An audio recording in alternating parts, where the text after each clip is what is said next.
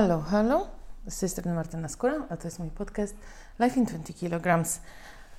Zachęcam Was do subskrybowania moich kanałów podcastowych na Spotify, Apple Podcast albo innych aplikacjach podcastowych oraz na śledzeniu mnie na social mediach takich jak Instagram, Facebook, TikTok lub blog. Wszędzie znajdziecie mnie jako Life in 20 kg.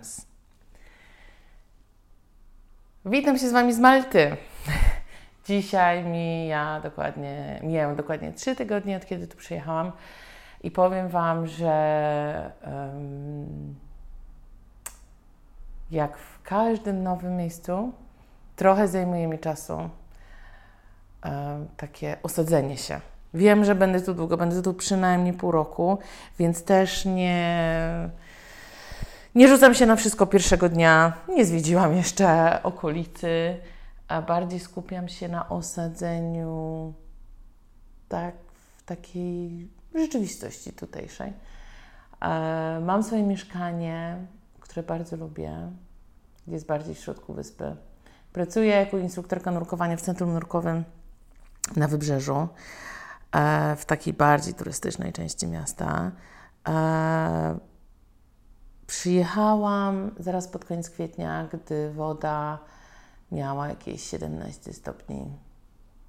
I była to dla mnie, szczerze mówiąc, masakra, bo 17 stopni, jak się pływa w Bałtyku, na 10-15 minut wchodzi się do wody, to jest super, ale jak się nurkuje, jest się całym ciałem zanurzonym w wodzie, prawie się nie rusza, bo nie oszukujmy się, kopanie płetwami to nie jest ruszanie się.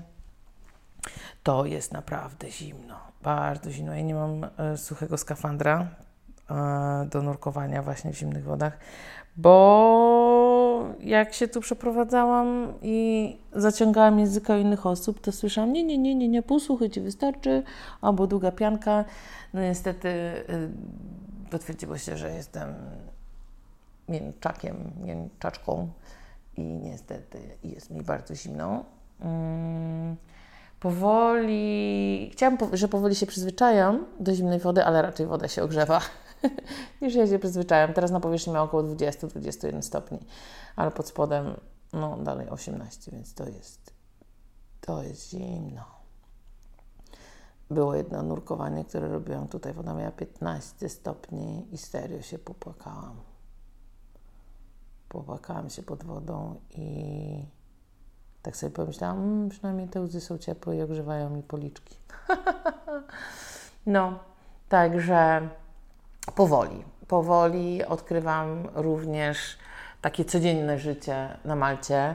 E, rzeczy, które my bierzemy za pewnik e, w domu, takie na przykład, gdzie pójść zrobić zakupy, albo gdzie jest jakiś warzywniak, albo jakie danie jest lepsze, albo jaka restauracja, albo gdzie znaleźć fryzjera, czy gdzie dorobić klucze.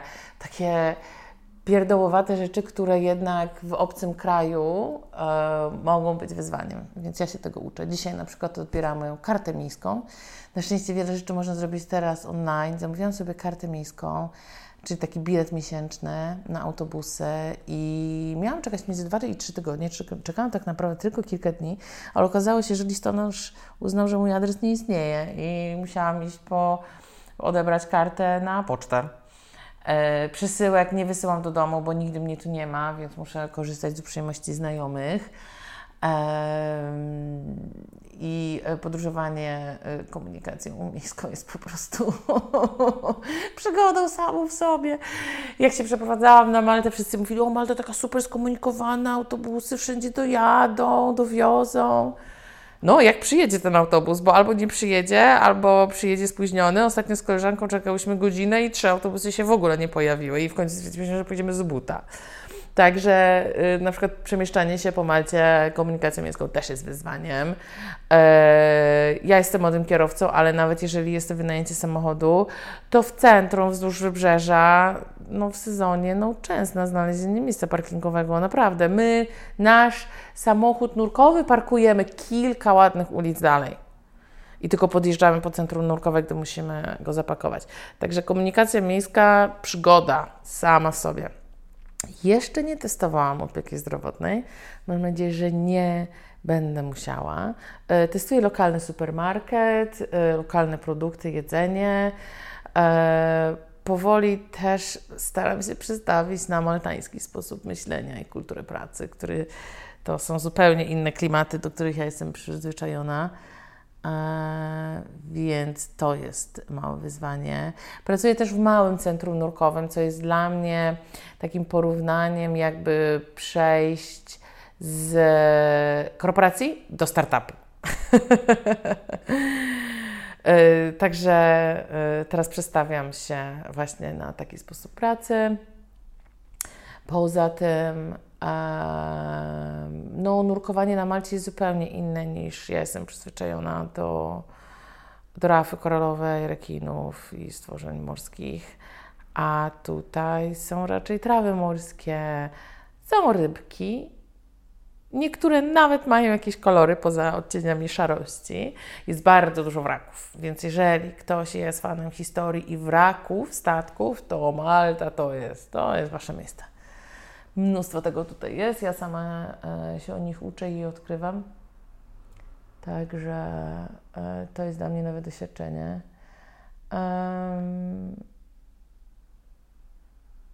Mam coś takiego, co mi się dawno nie zdarzyło mieszkając za granicą.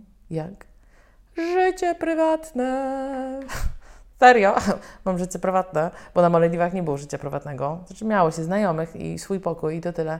A tutaj mam znajomych w pracy, znajomych poza pracą. Spotykamy się po pracy. Idziemy gdzieś na kolację albo na piwo, albo y, ktoś y, do mieszkania przychodzi na kolację, albo spotykam się z Polakami, których znam z Instagrama, na przykład Rudy i Czarny prowadzą e, blog podróżniczy o Malcie, teraz właśnie piszą e-booka. Ja tego e-booka będę testowała, dlatego też nie, nie zwiedzam Malty jeszcze, bo czekam na e-booka ze sprawdzonymi miejscówkami, trasami, informacjami, żebym sama nie musiała tego odkrywać. Znaliśmy się wcześniej przez internet, teraz, poznaliśmy się osobiście. E, poznałam również Paulinę, która jest e, biologiem morza, zajmuje się ochroną mórz, tu, którą mamy wspólną znajomą z Polski.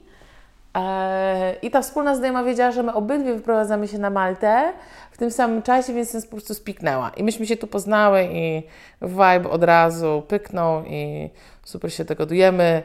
Przeżywamy wspólnie e, ekspedycje i eskapady komunikacją miejską na Malcie. Idziemy pół kraju, żeby napić się dobrej kawy z kremem pistacjowym. E, albo idziemy sobie po prostu na spacer po naszych dzielniach, które nie są wcale tak daleko od siebie. Oraz wiele innych osób, które gdzieś wcześniej widziałam albo na Insta, albo znajomi znajomych i teraz właśnie tutaj na Malcie się poznajemy. Więc to jest taka duża zmiana i bardzo, bardzo ją doceniam że mam taką możliwość jak work-life balance, bo tego nie miałam przez czas Malediwów. No, także zaczynam nowy rozdział pod tytułem Malta. Rozdział planowanie e, potrwa pół roku. Zobaczymy, zobaczymy, czy zostanę dłużej, czy nie. Na razie nie decyduję. Jestem bardzo otwarta. Sama muszę się też w tym miejscu odnaleźć i tak zaklimatyzować. I stwierdzić, czy to jest to, czy to jednak nie jest to. A może gdzieś indziej jest to to. A może nigdzie nie ma tego, tego. Może trzeba to znaleźć w sobie. Nie wiem. Zobaczymy. Dużo pytań, dużo wyzwań, ale jestem pozytywnie nastawiona. Ten podcast nie będzie zbyt długi, bo, bo dużo jeszcze przede mną. Czy się boję? Nie. To nie jest lęk, jest to ciekawość, jest na pewno jakiś niepokój, ale nie jest tak, że, że mówię sobie, o Boże, nie poradzę sobie. Poradzę sobie, na bank sobie poradzę. w ten lub inny sposób.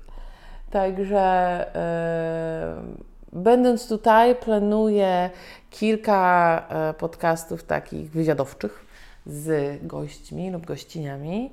Yy, I i zobaczymy.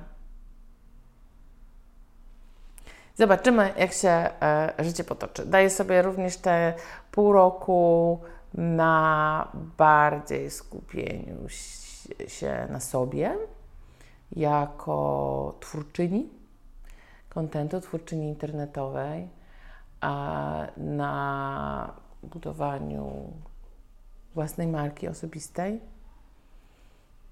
i realizowaniu właśnie takich projektów z tym związanych.